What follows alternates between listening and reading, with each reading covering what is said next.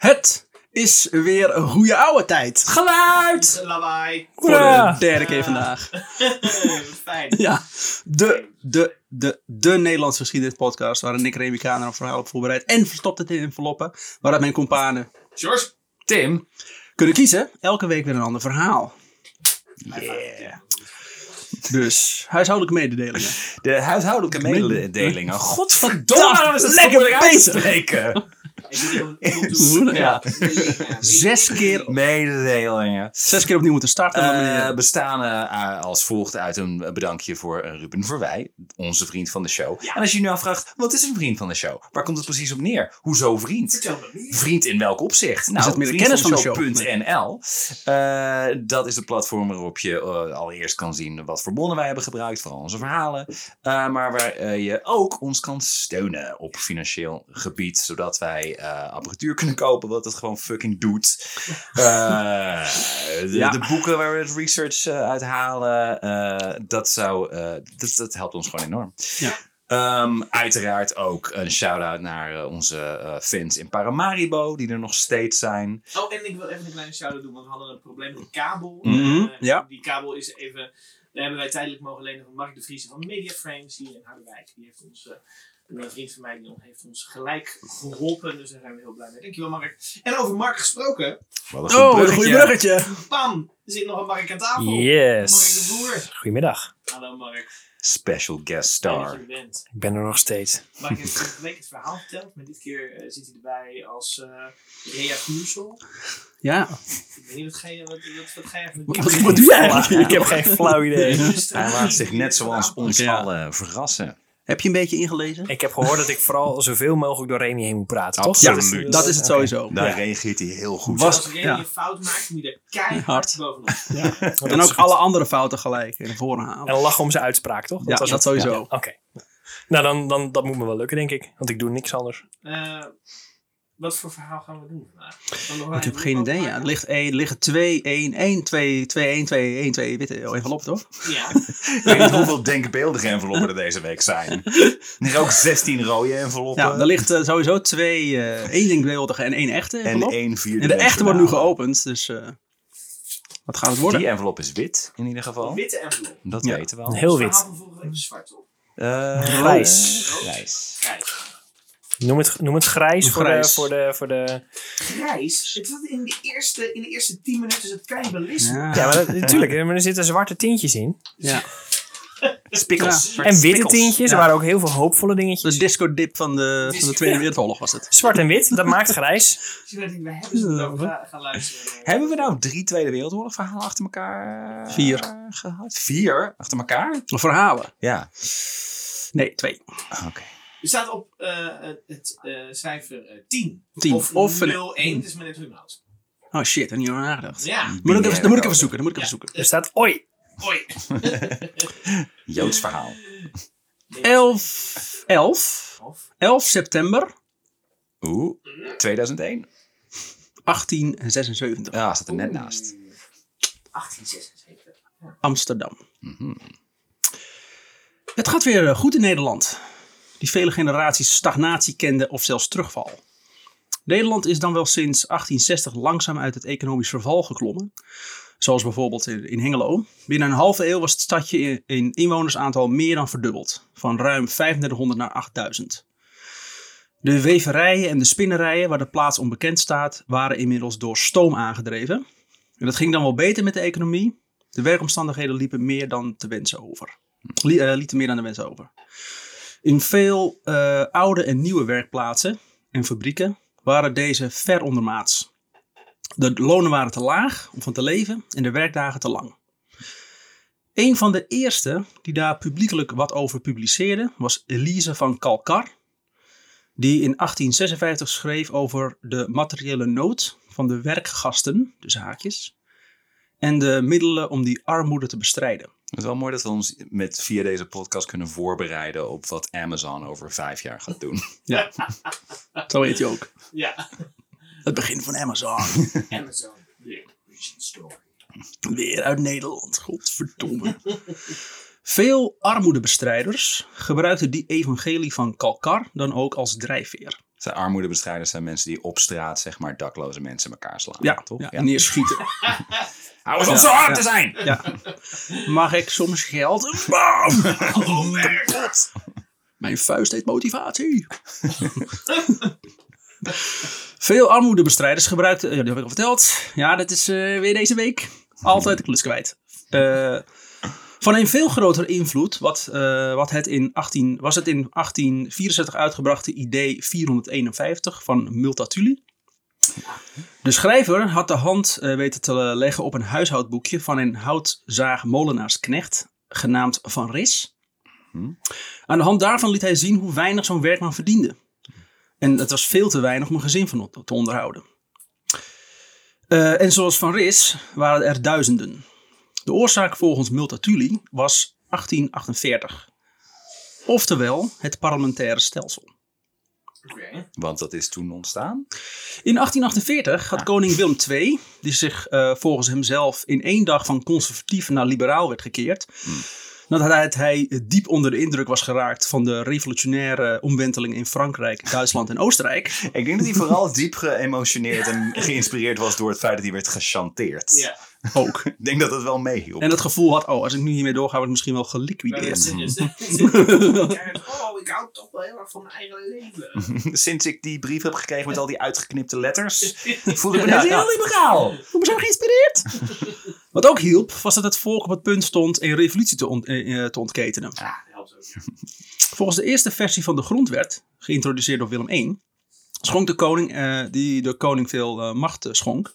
Hij koos bijvoorbeeld de Eerste Kamer. En de provincies kozen de leden van de Tweede Kamer, die toen 110 leden telden. 55 werden gekozen door de noordelijke provincies en de andere 55 door de zuidelijke provincies. Maar in het zuiden woonden veel meer mensen dan in het noorden. Het noorden had dus veel meer macht. En dat zinden de inwoners in het zuiden voor geen meter. Dus gaf Willem II in 1848 de opdracht tot het schrijven van een, eh, van een nieuwe grondwet. In deze wet eh, was de koning niet meer de opperbestuurder. Ook was er een mogelijkheid gekomen om nieuwe verkiezingen te eisen. Ook werd de vrijheid van meningsuiting nu vastgelegd in de grondwet. En kreeg het volk vrijheid van onderwijs en de drukpers. Wauw. Dus, eh, Welk jaar was dat? Sorry. 1848. Nou, goed jaar. Volgens een Het is Te, te, veel een inside joke dit. Dit is echt voor één mogelijke goud. luisteraar. Podcast goud. Volgens Multatuli zorgde deze grondwet voor de problemen waar het land door geteisterd werd. En wilde zo, door middel van ID 451, dit kunnen voorleggen aan de koning. Ik wil heel veel grappen maken, maar ik merk ook dat ik heel erg mijn best aan het doen ben om te luisteren naar wat wanneer wordt geïntroduceerd. Ik weet me niet nooit zo heel goed geweest. Politieke. eh, Ik ben, voor- ben vooral ook benieuwd of Multatuli dan... eh, wat hij dan gedaan heeft met die 450 andere ideeën. Ja, ja. ja, die hebben helemaal weggegooid. Hey. Oh, in de prullenman. spelfouten de hele tijd. Zodat hij... Ja, spelfout inderdaad. ook, Ja, ja. Ah, ik vind dit font verschrikkelijk. Comic Sans, dat kan kan toch niet? Paarse Comic Sans. Multatuli, niet zo dom. Idee 452, een Ja, ja. nieuw font. Nee, ben ik toch weer gaan schrijven over Nederlands-Indië. Nee, Ja. ah, kan het maar niet laten. Koffie. Zodat hij, quote, weet hoe de arme drommels gevoed worden, die zo schreeuwen en geestdriften, als hij Amsterdam bezoekt. Kan de koning het helpen, vraagt ge? Dit beweer ik niet, maar wel beweer ik dat, eh, dat een koning zulke dingen moet weten. En dat de ministers behoren weggejaagd te worden, die hem onkundig laten van den toestand des volks. Dus hij dacht, de koning weet van niks, dat het zo kut gaat in Nederland. En als de koning dat wel weet en hij heeft de macht om daar Ja. iets aan te doen, dan zou de koning daar toch iets aan doen. Want de multi- Multatuli heeft zoiets van, het is, hij is in principe niet tegen het parlementaire stelsel, maar hij heeft gewoon die ministers die we nu, te- nu hebben, het kan het duidelijk geen reet Nee, hij is, hij is Dus heel erg tegen het parlementaire stelsel. Oh, echt? Oké. Ja. En Multatuli heeft natuurlijk gezien in de geschiedenis van alle, alles wat aristocratisch is, dat koningen eh, dat natuurlijk fantastisch doen. Ja, Absoluut, ja. Daar komen alleen maar goede kijk dingen maar van. een Frans voorbeeld. let them eat cake. Dat is toch al best een goede, Goed idee. goed idee, toch? Ja, Ja. daar waren die mensen zelf niet opgekomen. Ja. Ah, natuurlijk cake. Domme Ah. kutboeren. Onder Caesar was er nooit armoede. En als men dan zo nodig dit kutstelsel wil houden, woorden van Multatuli. En letterlijk kut. Ja, Daar heeft hij een heel nieuw, opnieuw opgeschreven papier. Ja, Ja. Kut hier tussen zetten. ja, dat kan niet met een pijltje en het wordt kut erboven. Dat slaat nergens op. mijn T-Pex? dan zou dit moeten worden aangepast. Zo schrijft hij verder. Quote, ik ben tegen het eh, parlementaire stelsel. Maar als men dit nou eenmaal wil houden, behoort het in oprechtheid te worden toegepast. En niet met de huichelarij van de bespottelijke census. En eindelijk, waarom kiezen de vrouwen niet mee? Als die ministers het geld van de natie wegsmijten, zodat de belastingen hoog blijven, lijden zij toch ook onder de, die, eh, die druk? Als we door slecht bestuur oproer krijgen of oorlog of watersnood, lijden zij toch ook, ook onder die rampen? Dus dat was zijn eh, beweegreden waarom vrouwen ook ja. moesten stemmen. Is goed natuurlijk. En die was iets, iets van wat 70 jaar of zo voor de emancipatie was hij daar. eh, was Was hij er al allemaal bij? bezig, ja. Het volk las in de woorden van Multatuli eindelijk het gesteunde idee dat zij met z'n allen veel sterker zijn dan zij op zichzelf. En de, e- en de eerste zaadjes van het socialisme in Nederland zijn bij deze gezaaid. Oh nee. Doe iets! Hoewel Multatuli zelf nooit tot het socialisme bekeerde, werd hij zo wel een van de, Nederlands, eh, van, een van de Nederlandse wegbereiders van deze beweging. Het is toch wel grappig dat hij dan en voor een koning is en socialistisch. Dat zijn twee dingen die Hij is niet socialistisch. Nee, oké, maar dat hij dat dus dan wel ver- veroorzaakt, zeg Ja, maar. Dat hij ja, per ongeluk nog zo geleut met zijn zijn- 451 ideeën. ja, door zijn koningsgezindheid. En socialisme. ja. Multatuli, wat heb je nou weer gedaan? Ah, socialisme gemorst Classic Multatuli. Ta-da-ta-ta-da-ta. Woeps. That's all, folks. Dat is toch Multatuli? Dat is toch een Ja. citaat van... Ja, ja. Ja, dat is zeker. Ja, Citaat van Multatuli. Bedenker van eh, Bugs zijn Bunny. eh, bekendste, zijn bekendste zijn literaire werk, toch? Ja, Bugs Bunny is toch gebaseerd op Multatuli? Ja, Ja, toch, mij ja. wel. Door de stichting eh, van de Internationale Arbeidersassociatie in 1864 en de Parijse Commune van 1871 won de arbeidersbeweging ook in Nederland snel terrein. De Parijse Commune was een Nederlandse partij. Parijs. Ja. Ja. Dat. Ja. Valt op. Zo Nou, vinden ze kiezen. ons nooit. Komt Mult- Multatuli nog voor? Nee, hè? Hm? Komt Multatuli nog voor in het verhaal? Weet ik niet. hij Gaan we achterkomen. Weet ik. Gewoon luisteren met je hoofd. Multatuli, Multatuli is in- het Fins betekent ik ben klaargekomen. Dat wilde ik even kwijt. Ik weet dat toevallig en ik vind dat leuk. Is dat echt waar? Ja, Oh, heerlijk. Wil je daar iets mee zeggen, Tim? Eh, ja ik, ik, heb, ik moet eventjes naar Ja. het toilet. Oké. Mag Hey, eventjes jongens, vijf eh, minuten dat Ja. Ja, wat, wat is? Nee, nee. Nee, ik... mm, Maar is het dan echt Multatuli of Multatuli? Oh, Dan zegt hij eigenlijk iets anders. Multatuli, dus als jij het uitspreekt, lijkt het op Italiaans pasta. Gaan we echt. Multatuli. En verder. Sorry. Doe met deze informatie wat je wil. Maar deze beweging bleef wel in de begintijd zeer chaotisch. Men was het er wel over eens dat de monarchie weg moest. En dat het zelf kut was. Maar wat daar dan voor terug zou moeten komen, waren ze politiek gezien het niet eens. Deze chaos konden de, Am- ja. Deze chaos eh, konden de Amsterdammers zien in september 1876, waar we nu zitten. Kort hiervoor had de burgemeester Cornelis Jacob Arnold den Tex de kermis verboden. Hoe durf je? Ja, die was wel klaar met al die scootertjes die bij de botsautootjes stonden te Ja. hangen. Nee, dit Hé, gaan we meisje. Meisje. Een meisje. Deze kermis, die, als, eh, die zoals de meeste kermissen in het land drie weken duurde, en werd gezien door de arbeidsklasse als hun feest. Op deze volksfeesten zopen werklieden, dienstmeiden en naaisters zich klem en alle seksuele remmingen leken verdwenen. Met andere woorden, ze neukten gewoon op straat. Dat noemen we, noemen we nu carnaval, toch? Ja, dat ja. Ook waren vechtpartijen nu aan de orde van de dag. Dus dat deed je op de kermis. Aan Wanneer, wanneer waren de geloof ik weer precies? Ja, een beetje rond deze ja. tijd, hè? Alcohol zorgt sowieso voor de meeste problemen in die tijd. En alcohol In die is tijd, In die hè? tijd. Nu niet meer. Nee, nu hebben we dat maar niet meer. Hè? Proost, alcohol proost jongens. Proost. Hey, hey. Tenzij je naar haren gaat. Daar was, daar was alcohol de schuld van alles. Maar los van dat ene incident. Ja. En alcoholisme was een smet op de bevolking. En dan vooral onder de arbeiders, die eigenlijk bijna hun hele loon uitgaven aan drank. En daardoor hun werk verwaarloosden. Maar vaak waren het juist de erbarmelijke omstand- arbeidsomstandigheden die de groep juist deed grijpen naar de fles. Dus het was een soort van cirkel. Ja. Ja. Maar goed, dit was reden genoeg voor de burgervader om te zeggen: jongens, dat gaan we niet meer doen. De kermis is verboden dit jaar. Oeps. Daar zal vast heel goed op gereageerd zijn. Nou waren de bewoners daar niet echt super blij mee. En al snel verschenen er op diverse plekken in de stad de tekst... Godverdomme, kermis moet er wezen, kermis moet er zijn... anders slaan wij de burgemeesters de ruiten kort en klein. Kijk aan. Oh, alleen de ruiten. Daar Ja. had je ontzettend veel spraypaint voor nodig ook. Ja. Spraypaint ook in de tijd. Dat, alleen op die spraypaint maken was Dat was al zo gedoe. Destijds was het ook gewoon verf in je bek en dan zo... Is een van, de ene, van een van de eerste dingen die Van Gogh heeft geschilderd ook. Was dat fucking... Ja, de- ja, dat begon niet mee. Weet je, dit vind ik best leuk. Het is een uh, outbreeders met spraypaint. Ik heb een protestsonnet op deze muur eh, gecomponeerd. Christus. En dit dreigement werd ook waargemaakt op deze 11 september in 1876. Een groep woedende Amsterdammers uit de Willemstraat in de Jordaan waren op het, De Jordaan. Jordaners. Weer de Jordaan. waren op het huis van de burgemeester afgekomen om daar de ruiten in te gooien. Met palingen? Ja. Ja, met palingen. Moet je Ja. flink hard gaan. Klot. We hebben eerst ingevroren en toen als een soort van speer op een stok gebonden en dat raam ingegooid. Anders blijf met stop met aan je paling trekken en gooi hem door de ruit. Not met mij. Ik ben bijna klaar. Het zou me niet verbazen als ze in Finland ook gewoon palingen gebruiken. Zo'n volkje is het wel. Ja. Het is toch een beetje een Japan van Europa. De huizen waar de menigte langskwam, kon ook genieten van menig steen door het ruit. Want ja, je bent er toch. Had je maar niet naast de burgemeester moeten wonen. Ja. Maar die woonde ook wel op een steenworp afstand. Dus dat. Precies. Neem ik op? Ja. Maar waren het nou Jordaniërs of, of Palestijnen? Want wat je tot nu toe Palestijnen. Oké.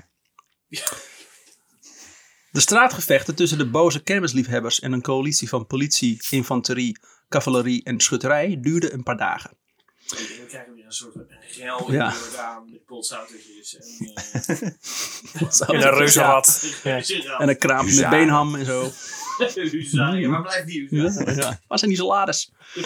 En daardoor werd met name het optreden van Jo- Jonas Daniel Stork berucht. Die laatste handelde, was een commissaris van de politie, handelde op zeer gewelddadige wijze. En liet zijn manschappen, die vaak dronken waren, de railschuppers helemaal tot pulp slaan.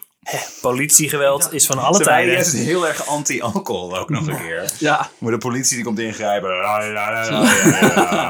Nee, geen kermis, er komen veel te veel ongeregeldheden van. Eh, en een leuke dochter heb jij. Ja, ach. oh. Ja, we weten het een en ander over de Amsterdamse politie in die Ja. tijd.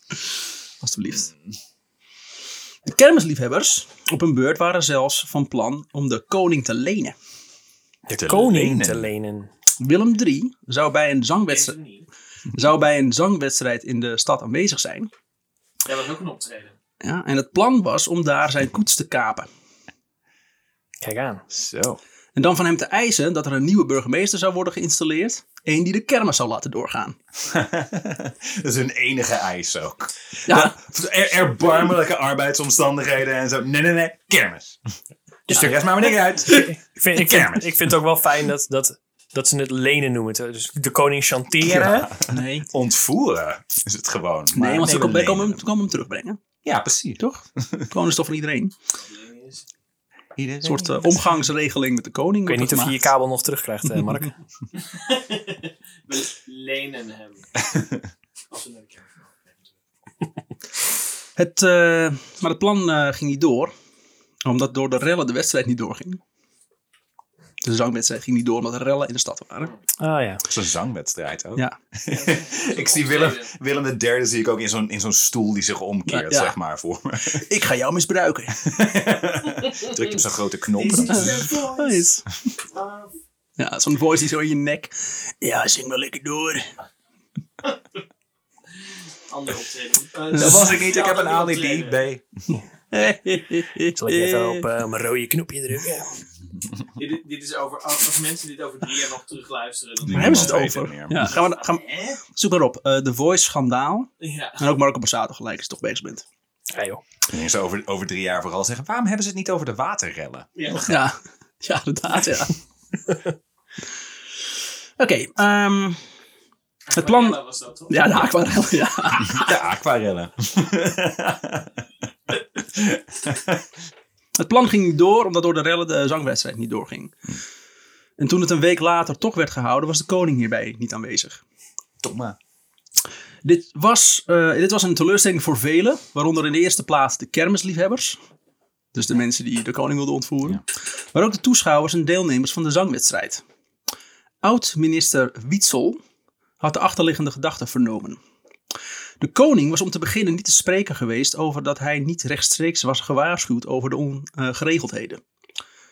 Want niemand hoeft meer direct aan hem iets te melden. hij is nu opperbevelhebber. Gewoon lekker de koning dom houden, Ja. net als je volk. Precies. En Willem III was sowieso echt al een heel licht geraakt verbitterde man, toch? Omdat hij ineens geen macht meer had. Het is niet zo, god, niemand vertelt mij meer iets. Dus hij had de minister van Oorlog de opdracht gegeven om de verantwoordelijke officier een arrest zonder excess te geven. Zo mooi dat het nog geen, geen minister van Defensie heette toen. Dat we er Nee, nog niet omheen ouwe hoerden. Nee, Nee, oorlog. oorlog. Dat is wat je deed. Ja. Nee, niet defensie. Ja, dat is een klein maar kinderblad voor eh, meisjes. Precies, ja. Om daar nou een heel ministerie aan te wijden. Zo, eh, zo raar. Gaat een beetje ver. Bestaat hij nog steeds, Minister Defensie?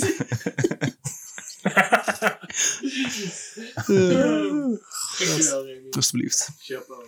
Dus hij had de minister van Oorlog de opdracht gegeven om de verantwoordelijke officier, die hem zou moeten inlichten, een arrest zonder excess te geven. Dat is de strengste vorm van huisarrest.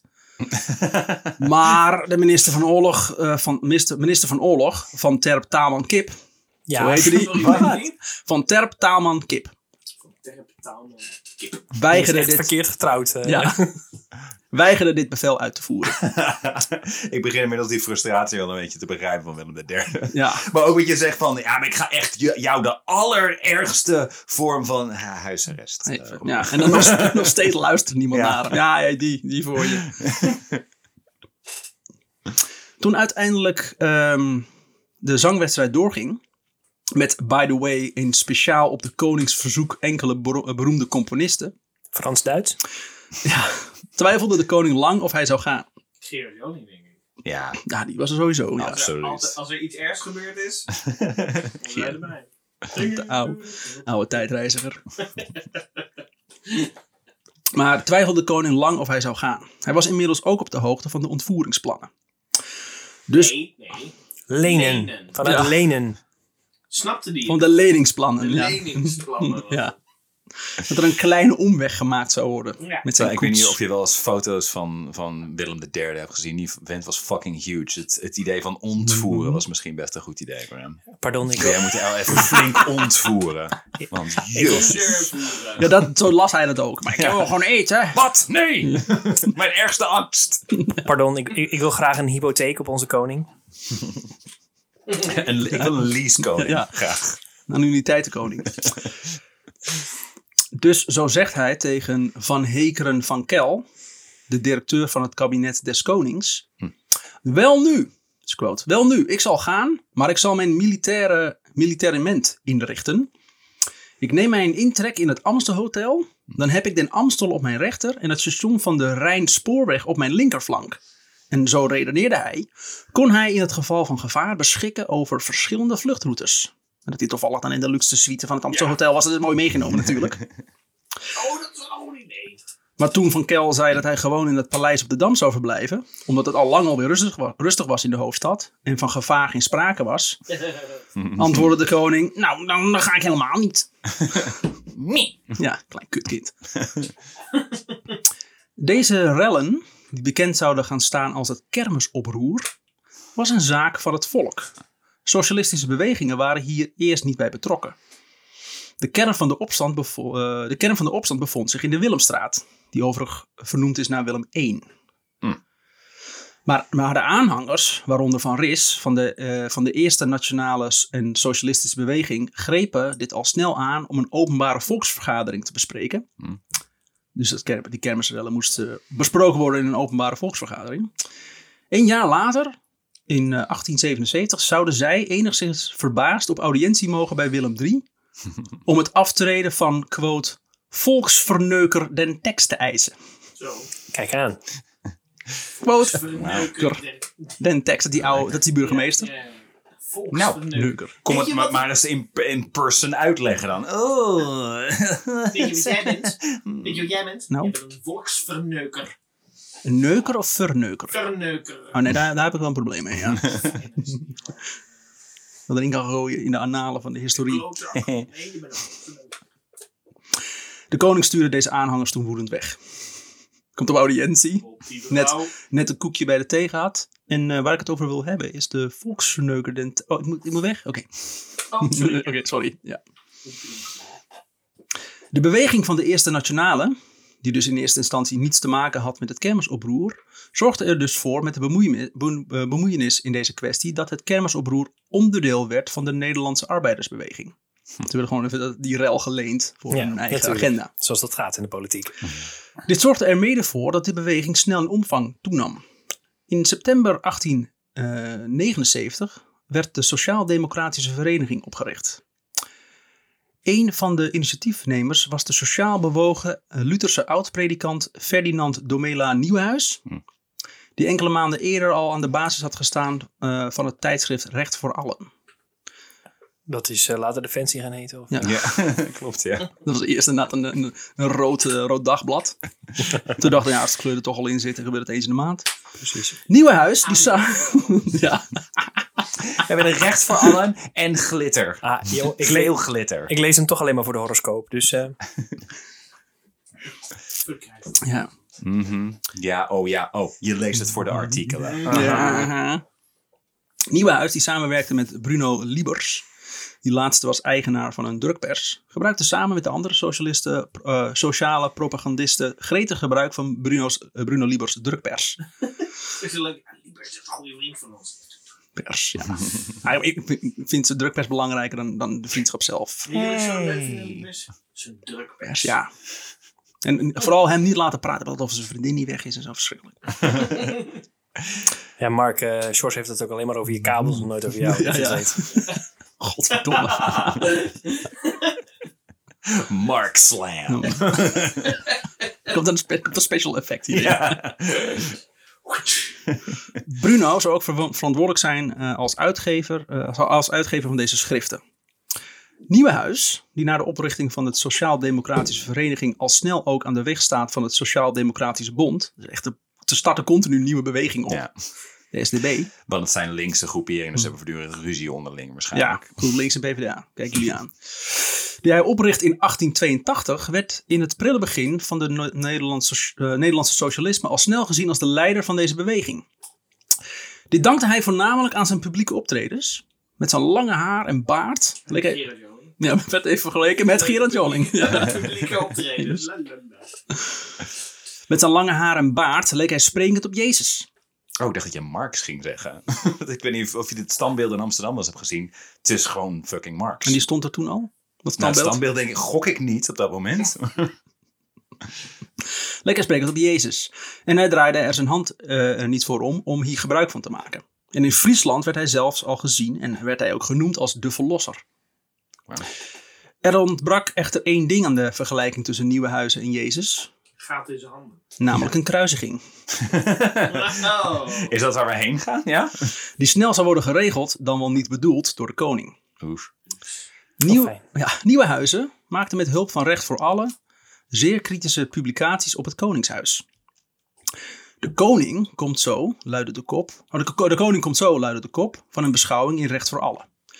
Waarin de auteur verbaasd is waarom het volk in Amsterdam altijd zo dringend en juichend de koning staat op te wachten, terwijl hij in zijn hele leven nog geen dag arbeid heeft geleverd. De staat liet het hier niet bij zitten en spande een proces aan tegen Nieuwenhuis. Majesteitsschennis. Yes. Ook al was er de- in de grondwet eh, vrijheid van meningsuiting opgenomen. Ja. Ja. Tot op zekere hoogte. Ja. Les majesté, dat is nog steeds een ding. Je mag Mhm. nog steeds officieel niks over de koning. Dus vrijheid van meningsuiting voor mij, maar niet voor jou. Ja. Ja.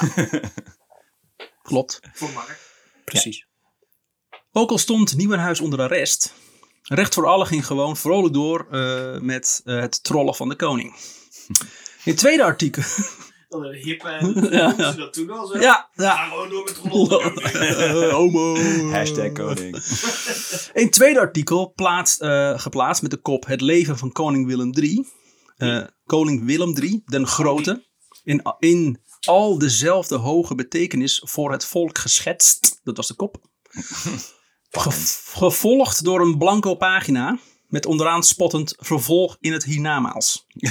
Wacht even, dit is zeg maar van, dit is wat hij zoal in een, op een dag doet. Ja. En dan Gewoon blanco. niks, ja. Noise. Volgende week deel 2. Een hele goede, goedkope spotprint. Ja. Een ander bericht plaatst over de inkomsten en de geleverde prestaties van burger Willem. Tussen 15 en 22 mei geleverd werk gevolgd door vier vraagtekens. Slans geld verteerd in het buitenland. Uit wandelen geweest en uitrijden, ge- eh, uit, en uitrijden, uitrijden. Gegeten, gedronken, geslapen enzovoort. Genoten loon, zo'n 20.000 gulden. Eh, minstens 20.000 gulden. Met vrije woningen en toebehoren. Dus er werd gewoon eventjes een, een Ja. soort van Ja. Zoals we, dat nu nog, functioneringsgesprek. zoals we dat nu nog steeds ook doen eh, met, met de koning. Ja. En, eh, in Het zijn- in zijn vakantie. badass trouwens dit, man. Want ik bedoel, Willem II was gewoon nog zeg maar absoluut heerser van Nederland. Ja. En nu, wat is het, eh, 10, 20 jaar later misschien, zit hier iemand echt keiharde middelvingers gewoon naar het Koningshuis. Dat is... eh, De grootste truc die men uithaalde was een namaakpamflet van een buitengewoon staatsblad. Waarin geschreven stond, en het pamflet van het buitengewoon staatsblad gebruikte men meestal om eh, berichten van het Koningshuis te verplaatsen door de stad. Het moest gratis zijn. Overwegenden dat wij ons einde voelen naderen, zoveel mogelijk wensen goed te maken. Alle ongerechtheden, kuiperijen en knoeierijen, knoeierijen door ons of in onze naam bedreven, geduld of bestendig ten einde zo mogelijk onze zondige zielen hier, hiernamaals te redden uit de klauwen des Satans, hebben goed gevonden en verstaan dat wij, met het oog op de diepe ellende waarin het volk is gedompeld, afstand te doen van onze jaarlijkse tractement van zo'n 600.000 gulden, eh zo mede van de inkomsten uit de, de mijnen en van al wat verder uit het zweet en bloed der arbeiders afdruppelde, op ons en onze bedorven hofhouding. Zo. 2. Vrede te sluiten met Atje of Atje. Af te schaffen, stond er ook bij, Atje of Atje. weet ik veel. Dat weet ik veel, fuck jou. Af te schaffen het staande leger en in te voeren de algemene volkswapening van eh Atje of Atje. 3. Alle vroegere, eh, vroegere besluiten en benoemingen in te trekken. Ten einde te maken aan de familieregering van onze vriendjes. 4. Afstand te doen van de kroon van onze nakomelingen. 5. Te ontbinden de beide kamers der Staten-Generaal en een beroep te doen op het gehele Nederlands volk te- ter beslissing over de regeringsvorm en ter verkiezing van nieuwe kamers. Zijn D66'ers aan. Ja. En 6. Met een diep gevoel van schaamte onze nederige dank te brengen aan het lieve Nederlandse volk dat ze geduldig en langmoedig ons met onze families en verdere nasleep heeft gevoed en onderhouden. Kalsblad 23 mei 1885 Willem. dus, Maar dus, dus nu zijn we... is dit nou dan de derde die dit schrijft? Nee, toch? Nee, dit is een pamflet, zeg maar, gedaan alsof... Of het Ja. Willem Ah, de- ja. op die manier, ja. maar, maar, dit- dit- Tim trapt er al in, dat is mooi. Ja, maar ik dacht dat het, het was bij en ik denk, ja. Ja. maar we zitten dus nu wel in een, in een situatie dat zowel het Koningshuis als het parlement worden, Worden uitgedaagd. worden uitgedaagd. Ja. Ja. Oké, maar ja. eh, En Multatuli was dus begonnen met, de, eh, met, eh, met het parlement. En, Ja. en die, eh, die arbeiders en de kermis, eh, Die waren, het kermisvolk, die waren vooral eh, tegen het parlement, omdat die eh, de... Nou ja, het kermisvolk was gewoon tegen de burgemeester omdat hun kermis eh, Ja, niet precies. doorging. Die hebben verder helemaal niks met deze hele stroming Ja. te maken. Mm. En Nieuwenhuis, die met zijn, eh, met zijn vierde socialistische partij in, in twee maanden tijd eh, denkt, eh, ik ga gewoon eventjes lekker de koning uitlachen. Ja, Maar bij het proces, van, eh, bij het proces tegen Nieuwenhuis ging het uiteindelijk alleen om de koning komt. Dus een stukje verhaal waarin werd gevraagd waarom iedereen altijd zo fantastisch eh, eh, enthousiast is als hij überhaupt de straat in komt rijden. Hm. De zitting vond plaats op 10 juni 1886 en de uitspraak was dan een week later. Eén jaar celstraf. voor, voor het feit dat hij niet snapt waarom mensen zo staan te juichen. Valt op zich nog mee. Ja. Gezien. En hij heeft, niet eens, hij heeft het niet eens geschreven. Hij bracht het blad uit. Ja. Hij was, eh, hij was het gezicht van het blad. Hm. Dus weet je, als we de eindredacteur van je... mee in conservativiteit, maar Ja. dan nog. En ja, zelfs dan. Nou ja, ik bedoel, het is in een nu- tijd waarin vrijheid van meningsuiting. Het is Oh, 2022 en in Thailand ga je echt veel langer de bak in als je iets over de koning zegt. Dus, Ja, maar dit is Nederland. Ja. En dit is gewoon een politieke gevangene in een land waar we zogenaamd eh vrijheid van meningsuiting hebben. Ja. In de 19e eeuw. In, de wa- eh, in zware straf. En volgelingen adviseerden Nieuwenhuis dat hij kon uitwijken naar het buitenland. Maar Nieuwenhuis ging in hoger beroep. Tijdens dit proces zou ene Adrianus Boelens opstaan en bekennen dat niet Nieuwenhuis, maar hij degene is geweest die de koning komt had geschreven. Maar de rechter had geen boodschap aan, aan een opeens, op, opeens andere bekentenissen van mensen. Dus werd nogmaals in hoger beroep de uitspraak van het eerdere proces bekrachtigd. Op 19 januari 1887 werd uh, Nieuwenhuis verplaatst naar de gevangenis in Den Haag. Waar zijn imposante baard en lange haardos werden afgeschoren. Mijn trademark. Maar zwaarder telde dat hij nu door dit alles de status van martelaar kreeg. Nieuwenhuis Publiciteit. Ja, Nieuwenhuis zou overigens maar zeven maanden zitten. om per gratie van Willem III te, te ere van Wilhelmina's zevende verjaardag vrij te komen. Een jaar later zou hij gekozen worden in de Tweede Kamer. Waarop Willem III gezegd heeft: Zolang hij in die Kamer zit, lees ik de troonrede niet meer voor. Dat is prima. We hebben je ook niet echt nodig hiervoor. Twee jaar toen eh, de boel niet voorgelezen. Tegen het einde van 1886, toen het duidelijk werd uh, dat het proces tegen Nieuwhuis zou gaan uitlopen op een veroordeling, we springen even terug in de tijd, zorgde dat veel, uh, voor veel verontwaardiging. Uh, een verontwaardiging die, die kreeg onder meer gestalte in de kolommen van Recht voor Allen. In het nummer van 9 oktober 1886 opende een zekere Roor, Roorda van IJsinga een reeks artikelen waar hij nog maar eens de fijne manieren van de hogere standen belachelijk maakt. Deze stukjes schrijft hij met de kop Fijne beschuit. De eerste verhalen gaan voornamelijk nog over een paar bekende hoogwaardigheidsbekleders, maar al snel vindt deze column een prominente hoofdrol voor een vorst die het moet ontgelden. Deze koning was volgens de auteur door vooraanstaande personen uit zijn eigen omgeving al eens uh, de grootste ploert van zijn rijk genoemd. Zij wordt niet specifiek benoemd welke koning dit over gaat. Nee. Gewoon een koning, een koning. ergens. In Nederland. Ja. Een beetje wat ze ook over Shakespeare zeiden. Dus heel veel verhalen van Shakespeare waren heel erg politiek gericht. Wat er toen destijds gebeurde. Oh, ja. Maar omdat hij, omdat hij in andere landen laat plaatsvinden. En, Precies. Ja. en totaal geen namen noemt, kan je, konden ze hem er niet voor pakken. Net zoals dat MASH zich afspeelt in de, bij de Koreaanse oorlog, maar dat het eigenlijk over Vietnam. Ja. Ja. En werd hij zelfs vergeleken met een gorilla. Oh. Koning Gorilla. Weet ik, ja. Iedereen die dit las, wist gelijk wie er werd bedoeld met deze koning gorilla. Krijgen we dan ook een goede naam? Willem III, ja, guerrilla-oorlog is dat. De sterke verhalen in het pamflet werden imme- immers afgewisseld door, met mededelingen over het huwelijk van koning Gorilla, die deze lezers bekend voorkwamen. Volgens mij is dit de or- origin story van Diergaarde Blijdorp, of niet? Ja, of King Kong, even twee. Of de speld. Deze verhalen waren allemaal op waarheid gebaseerde stukjes, zoals dat Willem in Zwitserland in zijn verblijf daar graag naakt rondliep. Ook op het balkon, waar iedereen hem kon aanschouwen. Klopt, ja. Dat hij... Meerdere keren ook Ja. gevraagd, wil u alsjeblieft niet doen. Jawel, ik ben de koning, maar niet, je bent nu in Zwitserland. Maar dit is duidelijk een man die zo weinig macht heeft, dat zeg maar alles waar ik wel mee wegkom, dan ga ik juist dat doen. Fuck jou, Hey. mijn koning. Dit is mijn vrijheid, dit is mijn vrijheid van penisuiting.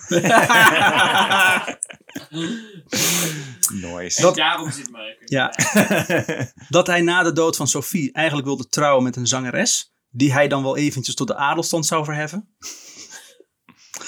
Dat toen hij jong was en kamerhulp van Sophie tot bloedens toe dicht bij de dood zou hebben getrapt. Zo. Zo. Ja. Alles niet te bewijzen, maar ook niet tegen te spreken. De meeste verhalen gingen al in de ronde over de jaren heen en alles werd in Koning Gorilla nog eens goed samengevat.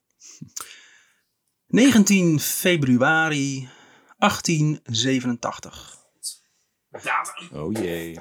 De viering van de 70ste, verja 70ste verjaardag van de koning is in heel het land een feestelijke aangelegenheid. Overal zijn speciale koningsfeesten en vieringen gepland. Maar toch rommelt het in de Nederlandse hoofdstad. Ja, Amsterdam is nooit zo koningsgezind geweest, nee. In Amsterdam hadden met name de socialisten eh, zich in de afgelopen jaren een uiterst lastig en rumoerig volksdeel getoond. En ook nu werd er van ze verwacht dat ze de feestelijkheden zouden gaan verstoren. Een jaar eerder was de viering van de koninklijke, koninklijke verjaardag al gepaard gegaan met extra voorzorgsmaatregelen. Er stond een compleet detachement van de politie paraat eh, in verband met sociaal-democraten. Die politiemacht hoefde op die dag niet in te grijpen. Wel een half jaar later, in de zomer van 1886, werden de angstige voorgevoelens van de burgerij en autoriteiten bevestigd. Op zondag 25 juli 1886 brak in de Jordaan de zogeheten palingrellen uit. Yeah. Gedurende twee dagen trok de Jordaan, met daaronder veel socialisten met rode vlaggen en met strijdliederen in strijd met de plaatselijke politie. De gemoederen liepen zo hoog op dat Tim voornamelijk nog steeds onder de indruk is van hoe ze zo gericht twee kinderen hebben kunnen doodschieten. Het is knap, het is gewoon knap. Voor, voor de mensen die, die inhaken in een goede oude aflevering 3. Ja, Aflevering, ja. ja. Aflevering 3, ja. Aflevering, aflevering 4, verhaal 3. ja. Ik bedoel, het is niet oké, maar wel knap. Ja, Saying. ja, Tim, ik was erbij. Bij de palingrellen, maar wel bij jouw verwondering. Oh, en er vielen onder de betogers zo'n eh, 26 doden. Oh ja. Ja, dat heb ik ook. De wond die het bloedbad van de palingrellen had geslagen, was nog vers toen in, Amst- eh, eh, toen in Amsterdam de voorbereidingen werden getroffen voor de 70ste verjaardag van Willem III. En ja, er waren weer rellen. En ja, de boosdoeners kwamen weer uit de Jordaan. En ja, Tim is nog steeds onder de indruk van die twee kinderen die werden neergeschoten. Kinderen, hè? Ze zijn kleiner, het is moeilijker te raken. Ik bedoel, eh, ja. Nee, Tim, nee. nee? Toch liep vandaag ietsje anders dan verwacht. Het begon allemaal in de Willemstraat, de straat die de naam draagt van Willem I, is zoals getrouw een oranjegezinde straat.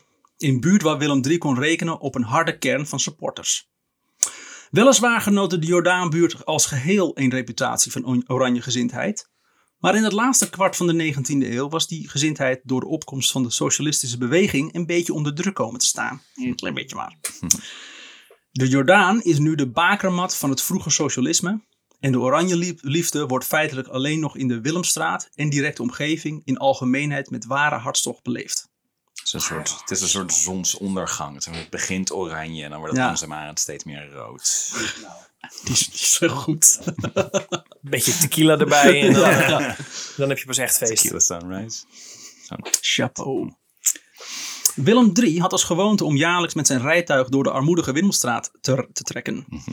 En daar kon hij altijd re- oh, sorry. daar kon hij altijd rekenen op een luide bijval en hartverwarmende blijken van aanhankelijkheid. Ik ga alleen maar de buurt waar die weten welkom. Ja, Ja. Ja. heel Nederland heeft een tyfushekel aan. Dus wat doe je? Dan ga je naar die ene kutwijk waar iedereen... Ja, ik hou niet Willem III. dat, is, dat is nu wat ze toch op social media doen. Want ik heb een mening en dat is, Ja. heel veel mensen vinden dat heel stom. Dus ik ga alleen maar mensen opzoeken die dat beamen. Ja. Ik vind het toch wel geen zin in haters, ja. Nee. Ik vind het toch wel typisch dat dan nu eh, in de huidige tijd de Jordaan de, de grootste tering zo is met Koningsdag. Eh, dat, is, dat is één grote oranje bende. Alleen hier kon het eh, gebeuren dat een, norma- dat een normale burgervrouw de koning eh, ongestraft eh, om de hals kon vliegen, hem kuste en uitriep: En toch ben jij mijn Willempie. Zo. Zo heel Hollands, hè? Toch ben jij mijn Willem Pio, schat. Maar nog wezen. En dan ben je lekker in die wangen knijpen. Zo, oh, lekker wel vet. Lekker erin vallen. Oh. Lekker even Dat vijf kon hij, kon hij vast waarderen. Ik heb hier een brief voor je moeder. niet vervelend. Ja. Op de achtergrond. Ticket to the. Waar de Willemstraters ook bekend, onbekend stonden, is dat het beruchte vechtersbazen zijn. Hm. Die hun tegenstanders liefst dicht bij huis opzochten.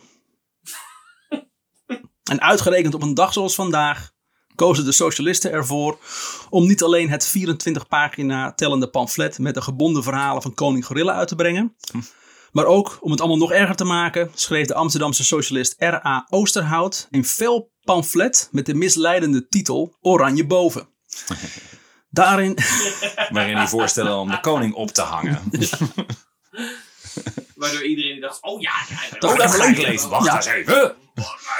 En dat klopt wel, weet je. Een tequila sunrise, dan is het oranje boven. Ja, nou ja, Dat- ja. Siroop zakt naar beneden. Dat klopt gewoon. Ja, Dat wordt de, dat wordt de titel van deze aflevering. aflevering. De siroop, de siroop druipt naar beneden. Wat een rare titel. Daarin werd de ontluisterende staat van dienst van het Oranjehuis over de afgelopen eeuwen in schrille kleuren geschilderd. En werd er uitgerekend hoeveel de huidige vorst moest verdienen. Wat neerkwam op een schokkend bedrag van 229 gulden per uur. Dat is veel voor die tijd. Maar dat was dus aan- aanzienlijk lager dan wat hij daadwerkelijk verdiende. Neem ik aan. Ik heb geen idee, niet uitgerekend. We gaan gewoon uit van de 229 gulden per uur. Ga daar gewoon uit. Ja. Oké. Oosterhout en de socialisten zagen. Zoek je ruzie of zo. maar huis uit. Dus zonnekamer, Jelle. Vlug verstopt de paling. Ja. Oh. Oosterhout en de socialisten zagen dan ook weinig plezier op deze 70ste verjaardag van de koning. En voelden er helemaal niets voor om deze zo uitbundig te vieren. Op 19 februari was koning Gorilla ook te koop in verschillende eh, volksboekhandels, zoals die van Karel Anthony Bos, die zijn winkel in de Hazenstraat heeft, en Jan Fortuin, die zijn winkel in de Tuinstraat had. Die laatste had zijn vaste ploeg met straatverkopers de Jordaan ingestuurd om daar koning Gorilla te proberen te verkopen. Goed idee. Klinkt gewoon- gewoon als een goed plan. Ja, dit eh, kan alleen maar goed gaan.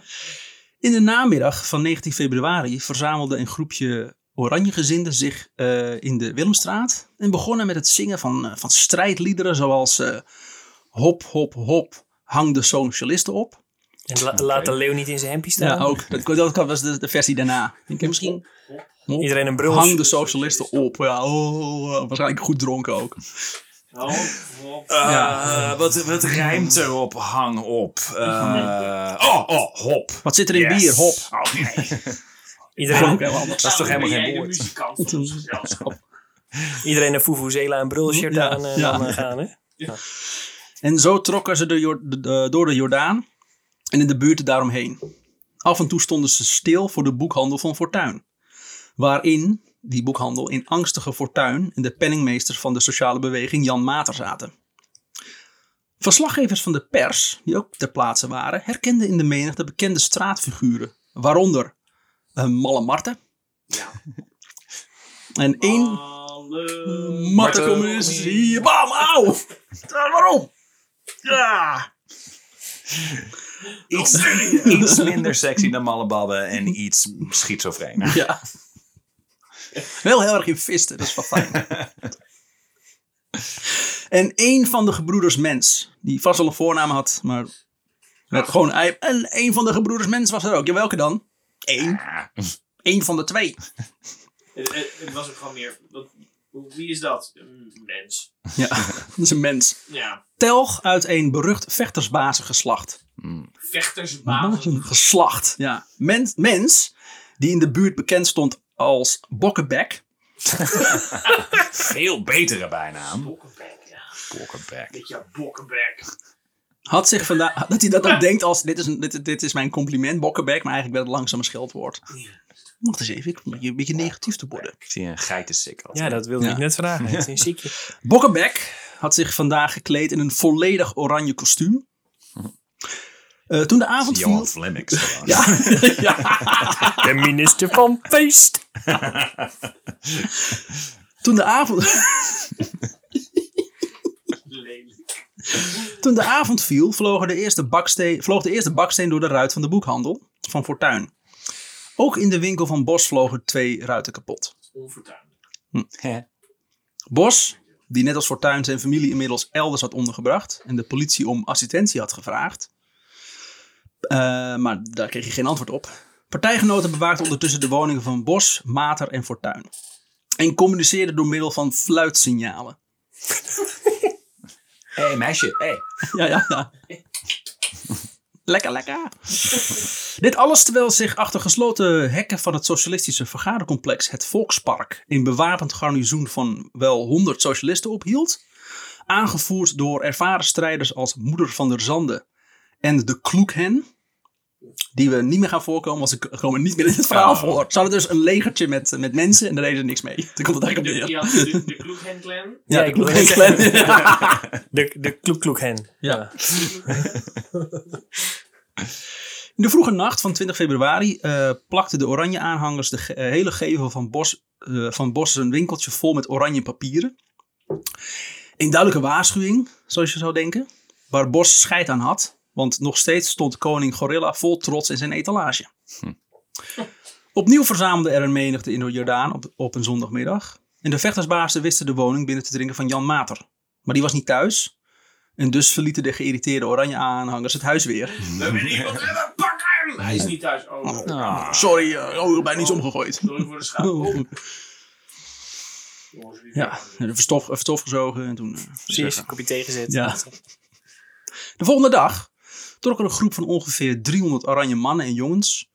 Met voorop drie mannen met een oranje vlag, de nationale driekleur en een trompet. Het centrum van de stad in. Onder trompetgetetter. Nee.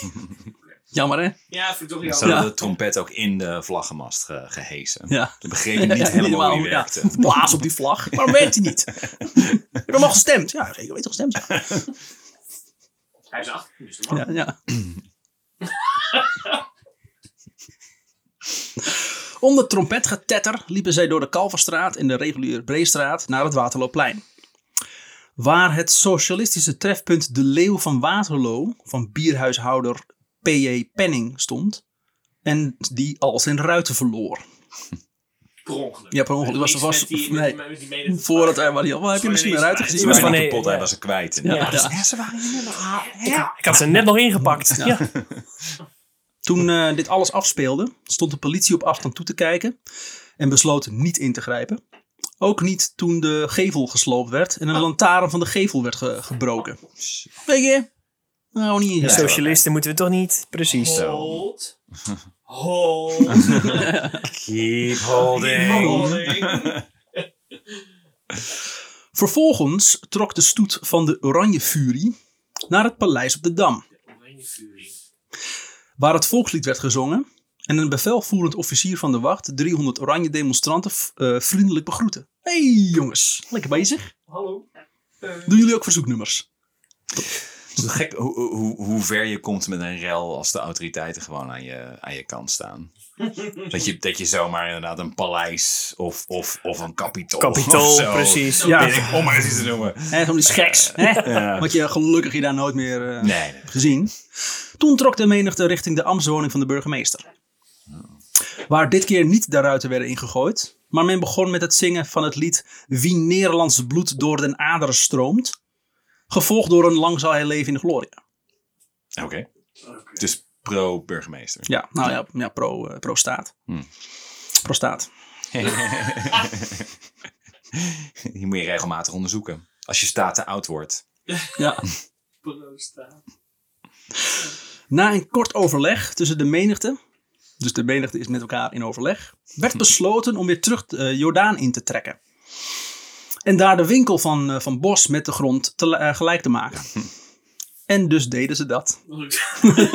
Constructief Zo plan. gezegd. Zo gedaan. Zijn winkelpui werd nu volledig vernield, waarbij de vlagstokken met, eh, goed meehielpen als knuppels. Binnen in de winkel van eh, Bos eh, eh, zat, een aant- zat een tiental partijgenoten. Dat weer, weer hield de aanvallers eh, om ook binnen in de winkel een ravage aan te richten. Bos voelde zich eh, goed genoeg beschermd door partijgenoten dat hij weer het verzoek, ditmaal door de politiecommissaris, of hij misschien toch even de exemplaren van Koning Gorilla uit zijn schappen wilde halen. En weer zei hij, nee, is wel echt. Hij heeft wel. eh, Ballen. Ja, hij heeft wel flinke ballen. Ja. Mensen kunnen er nu ook makkelijker bij. eh, Ja. Dus het is alleen maar handig. Ja. dit. Het is een soort van eh, drive, eh, drive-through geworden. Een drive-through drive-by naar een drive-thru. Ik twijfel ook even. Bij Fortuin in de Tuinstraat omschreven de vrienden van Fortuin de situatie als volgt. Ja. Quote. Daartoe werd een dienst georganiseerd. Niet alleen hield eh, men door boden zich op de hoogte van beweging van den troep, dus de Oranje Furie. Dus er waren ook mensen, waren verkenners af en aan aan het hollen. Maar ook in de omliggende straten hadden hier en daar kleine troepjes eh, post gevat. Dus er waren wachtposten gemaakt. Terwijl de verkenning werd uitgezonden ten einde te waarschuwen wanneer de vijand mocht naderen. Deze scheren zich echter voor eh, gezegd te houden en verscheen niet in de straat. Waar hun zekere, waar hun zekere en warm, eh, warme ontvangst wachtte. Dus als jullie waren gekomen, hadden die helemaal tot puin geslagen. Een inwoner van de Willemstraat was nog op het politiebureau aan de Noordermarkt zijn diensten aan het aanbieden. Zo vertelde hij dat hij, samen met andere Willemstraters, wel, eh, wel even gewapend naar de woning van Fortuin kon gaan. Om daar Fortuin uit de woning te halen. Om hem te laten uitleggen met wie er met koning Gorilla bedoeld werd. Een vraag die, nog st- die, die mensen nog steeds bezig hield. Echt? Nee, maar ik ga er nu. Ja. Ik ga er nu achter komen. Dat is het ook. Het is niet dat David Koning zei, het is meer dat mensen gewoon niet snapten om wie Ja. Ben ik nou beledigd of moet ik juist blij zijn? Ik ben heel boos, maar ik weet niet precies waarom. Want wie, wie is die man nou Wie helemaal? is nou Hmm. Maar dit plan werd sterk door de agenten ontraden. Doe maar niet. Nee. Bokkenbek en Fortuin. Bokkenbek en Fortuin. At your service. De Starsky en Hutch van Nederland. Ja. waren qua strijdlustigheid aan elkaar gewaagd. Daarom, bes- eh, daarom werd besloten om het strijdtoneel na maandag 21 februari ergens, anders, eh, ergens elders te verplaatsen. Maar wacht even, had, had de, de boekhandelaar had zeg maar dezelfde eh, reputatie van mensen elkaar timmeren als, als die fucking bokkenbek? Ja. Wauw. Dus, je- Badass. dus je haalt Bokkenbek en Boekenbek. Ja. Nice. Leukste grap gema- gemaakt vandaag door Short Noordzij. Ja. Aan het Waterloopplein, in het hart van het fel oranje gezinde Jodenhoek, stond het bierhuis van socialist Penning. Twee dagen hiervoor waren er nog alle ruiten ingegooid. Ja, Waterloopplein. Ja. En onder toezicht oog van de politie werd, eh, werd ook toen de pui gesloopt. Op 22 februari 1887, de vierde achtereenvolgende dag waarop de oranje furie door de stad raasde, zat de leeuw van Waterloo al, al in de middag vol met zo'n eh, met zo'n vrijgespannen, met een, met een aantal vrijgespannen sociaaldemocraten. Die de verwachte bestorming door de Willemstraters en de Jodenhoekers het hoofd wilden bieden. In het café zat ook brochure, brochureschrijver R.A. Oosterhout, die nog diezelfde week een ooggetuigenverslag eh, in druk zal laten verschijnen van alles wat er zou gaan, wat er zou gaan plaatsvinden. Om half elf 's avonds kwam een inspecteur van de politie de aanwezigen in de leeuw van, van Waterloo verzekeren dat één ieder veilig huiswaarts kon, eh, keren kon. En sommigen die, eh, sommigen die letterlijk in hun broek scheten van angst maakten hier gebruik van. Letterlijk? Letterlijk. Maar letterlijk, letterlijk? Letterlijk als in letterlijk. Damn. Zo omschrijft Oosterhout. Quote. Omstreeks 10 minuten later kwam een bode het bericht brengen dat een bende van misschien 3000 man in aantocht was. Zo. Enige minuten later volgde het bericht dat zij reeds op den Dam waren. En volgde, bode, volgde een bode melde, volgende bode meldde hun doortrekken van de Damstraat. En enkele minuten later weder een dat van de Hoogstraat nog één. Dus ze krijgen continu het bericht, er komt een fucking stoet deze kant op. kwam een van die couriers kwam ergens tegen aan het eind. eh, ja, eh, ze zijn nu. Ik kan je heel slecht verstaan. Wat zeg je? Ja. Ze zijn nu eh, buiten. Wat? Nee, er is ontzettend veel herrie op dit moment. Ja. Waar zijn ze nu? Dat wil ik weten. En nog één, de laatste kwam binnenstormen en vertelde dat zij dichtbij waren. Zo'n deur die al open gaat, zo vloepen, en je noemen lawaai hoort en weer dicht. En dan weer- Die daar binnen waren, hoorden ook reeds onmiddellijk een leven, eh, als, een leven als van een opkomende storm. Oh ja, dus het geluid van een opkomende storm. Weet je wat Borculo mee heeft gemaakt? En stonden die mensen bedaard af te wachten. Er gingen een aantal lange, angstige ogenblikken voorbij. Voor- Ja, voor de eerste ruiten sneuvelden en de deur werd ingetrapt. In de deuropening verscheen een kleine gestalte die tartend vroeg: Zo, ben je lui daar, sociale? Schijnbaar is, ja, ben je lui? Waarom kom je niet naar buiten om te vechten? Dus een klein persoon. Ben je lui deze Ja, ja dat ja. Hey, Johnny Zodaar kwam langs. En na een waarschuwingspistoolschot te hebben gelost, waagden de socialisten een uitval. Gewapend met houten knuppels en, en eh, een paar biljartkeus. En een pistool kennelijk. Dat lijkt me nog nuttiger dan. Ja, we vielen ze niet mee aan. Pas maar op, ik heb een biljartkeu. Keu, Ja, ja. en dat pistool, maar dat is alleen maar voor waar- waarschuwingsschoten. Ja, ze hadden genoeg keus en ze kozen biljartkeus. Sloegen twaalf socialisten als wilden om zich heen. Maar het kon de woedende menigte niet afschrikken. Ja, van 400. Ja, Dat zijn 3000. Ja. 3000. Ik weet niet, ik weet niet hoe groot die bil- biljartkeu was, maar... nee. Nee. Ja, het is uh, Ja, dan, dan hadden ze het wel gered, inderdaad. en je, en je, hebt eentje, hangen. je hebt eentje met, met zo'n met zo'n kruisje. Dan kun je Ja, precies, ja. slaan. Best wel pijn. Dat is wel kun je goed. kruisjes slaan. Maar het kon de woedende menigte niet afschrikken. Zelfs niet toen er nogmaals acht waarschuwingspis- eh, waarschuwingsschoten werden gelost. Daarop stormde Hier agent... wordt het gewoon schieten dan.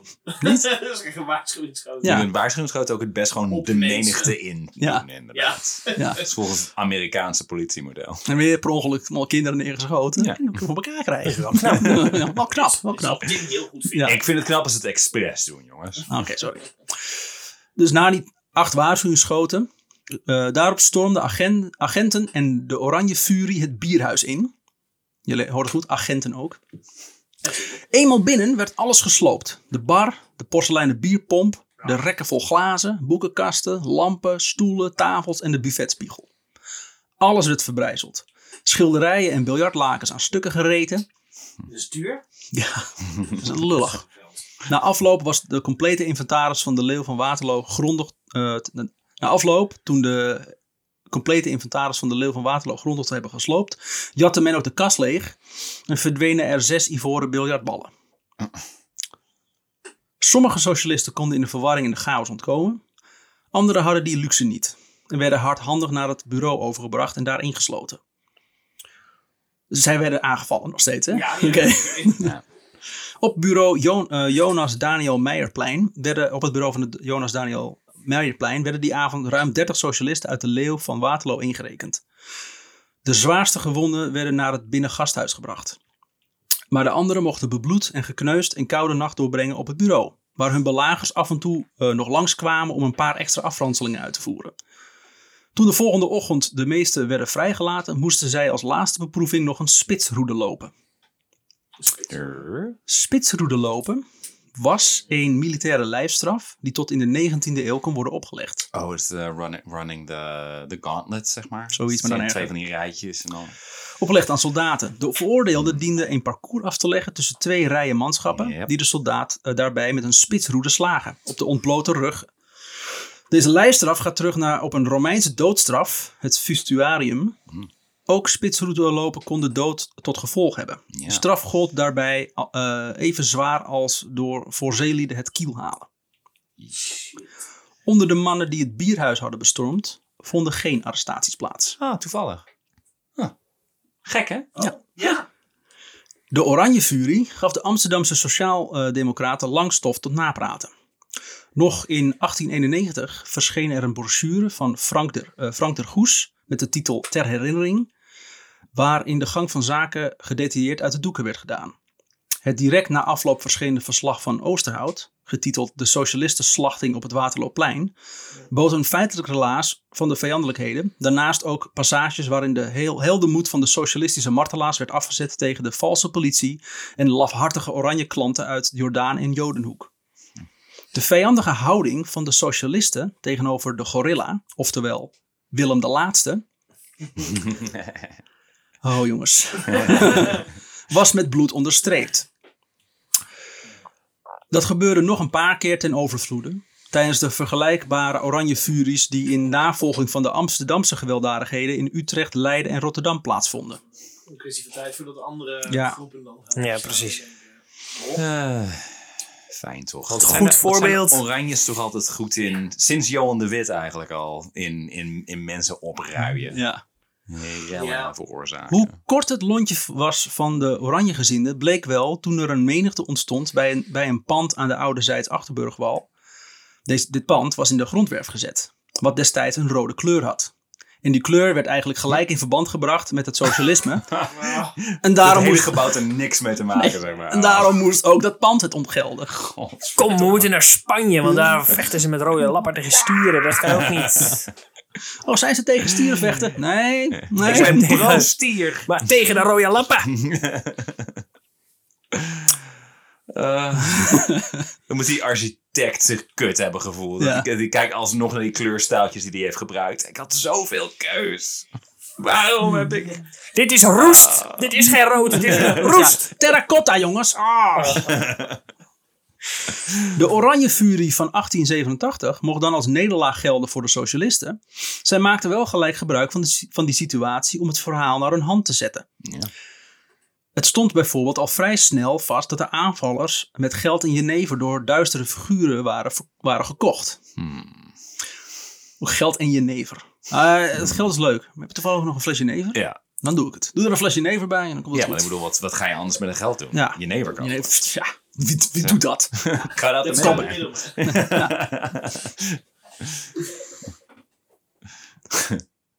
Weer een melding.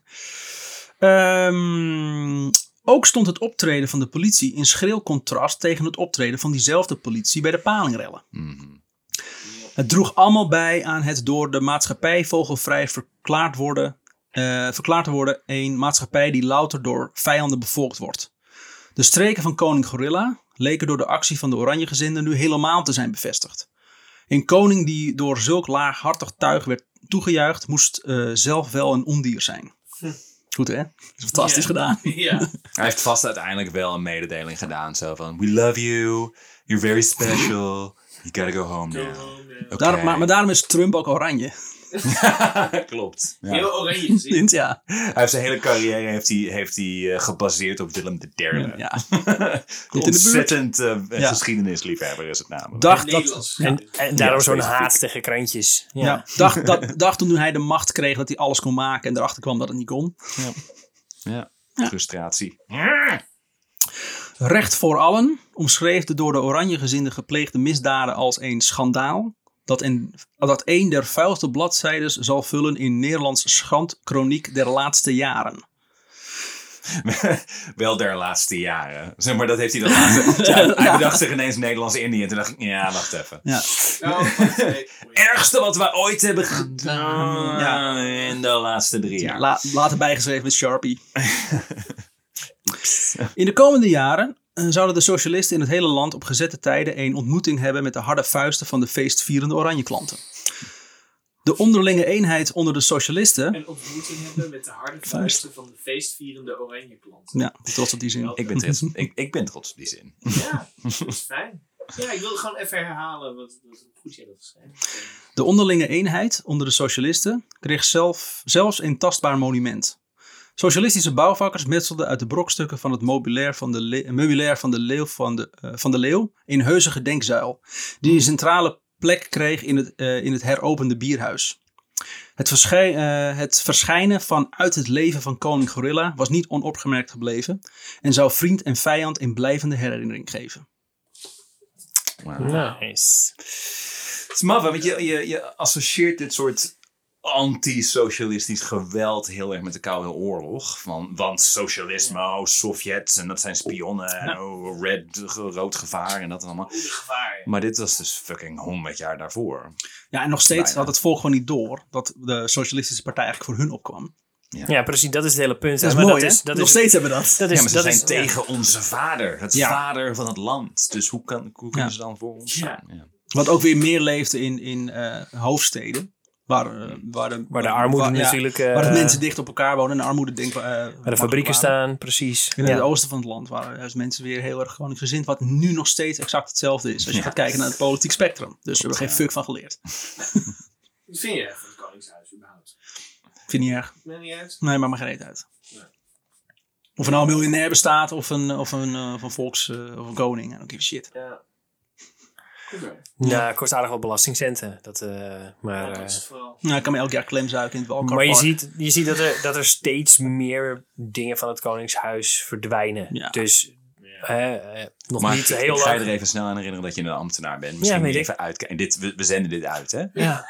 Just saying. Het, het enige wat me wel irriteert aan het Koningshuis is dat er zoveel Koningshuiskenners zijn.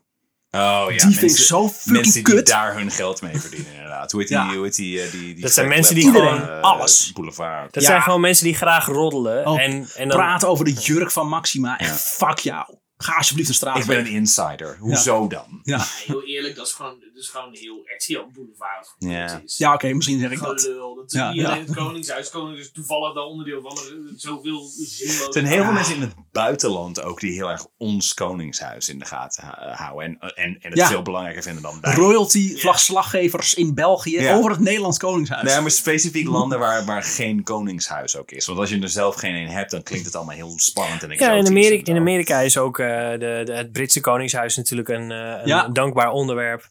Wat heel En gek die gaan er allemaal vanuit dat de Britten echt enorm pro Want voor, zijn. voor, voor Amerika is natuurlijk eh, Europa een soort van fantasyland met Ja. eh, kastelen en Ja. eh, prinsjes en Prinsessen. Maar wat een Een mooi echte vind, Disney film. Ja. dat die, Amerikanen, dat die Amerikanen inderdaad het Britse Koningshuis aanhalen. Terwijl ze gevochten hebben tegen de. Britten voor Ja. onafhankelijkheid. Dus ik vind het echt super scheef. Ja, maar dat klopt ook. Iedereen vergeet ook gewoon waar al die, dat soort dingen vandaan komen. Maar dat- dit is ook wel weer mooi. Een soort van, eh, van voetbalrellen. Ja, gewoon rellen. En dat is nu dus, dat nu dus de Jordaan, de Jordaan een soort van het centrum is van Koningsdag in Amsterdam. Ja, maar dat was, maar dat Ja. was toen dus ook al. De Willemstraat had al sinds jaren en dag bekend als een zo'n oranje centrum. Willemsstraat. Ja. Oh, Oké. En het- in, de, in de kleine buurtjes, de straatjes daarnaast ook nog wel. Maar de Jordaan was ook eh, eh, het, de kern van het opkomend socialisten. En daarom botste het zo Ja, erg ja, tussen ja, die ja. twee bewegingen. Want Net rood en oranje hangt even net iets bij elkaar. Net zoals dat je tegenwoordig in de Jordaan allereerst mensen hebt die er al generaties wonen. Dat zijn echt een beetje volkse mensen. En van die nieuwe juppen die zeg maar vijf jaar geleden een huis hebben gekocht. Die Ja. hebben ook echt niks met elkaar te Oh, maken. dat is echt een, broei, een broeinest. Ja, ja. Fantastisch. Meer rellen, dat is eigenlijk wat ik zeg. Meer rellen in de Jordaan. Ja, dat is de... Dat Want op een gegeven moment zijn onze onderwerpen op, Ja, jongens. Dan dus wij hey. Oh, dankjewel Remy. Graag gedaan. Voor, eh, dit, Nice. eh, oranje Dankjewel. verhaal. Dankjewel Mark dat je hierbij wilde zijn. eh. Het was me een waar genoegen. De volgende keer mogen jullie het weer zonder mij eh oh, dat komt ik nu al zin in. Nu al zin in. Oké jongens, tot volgende week. tot volgende week.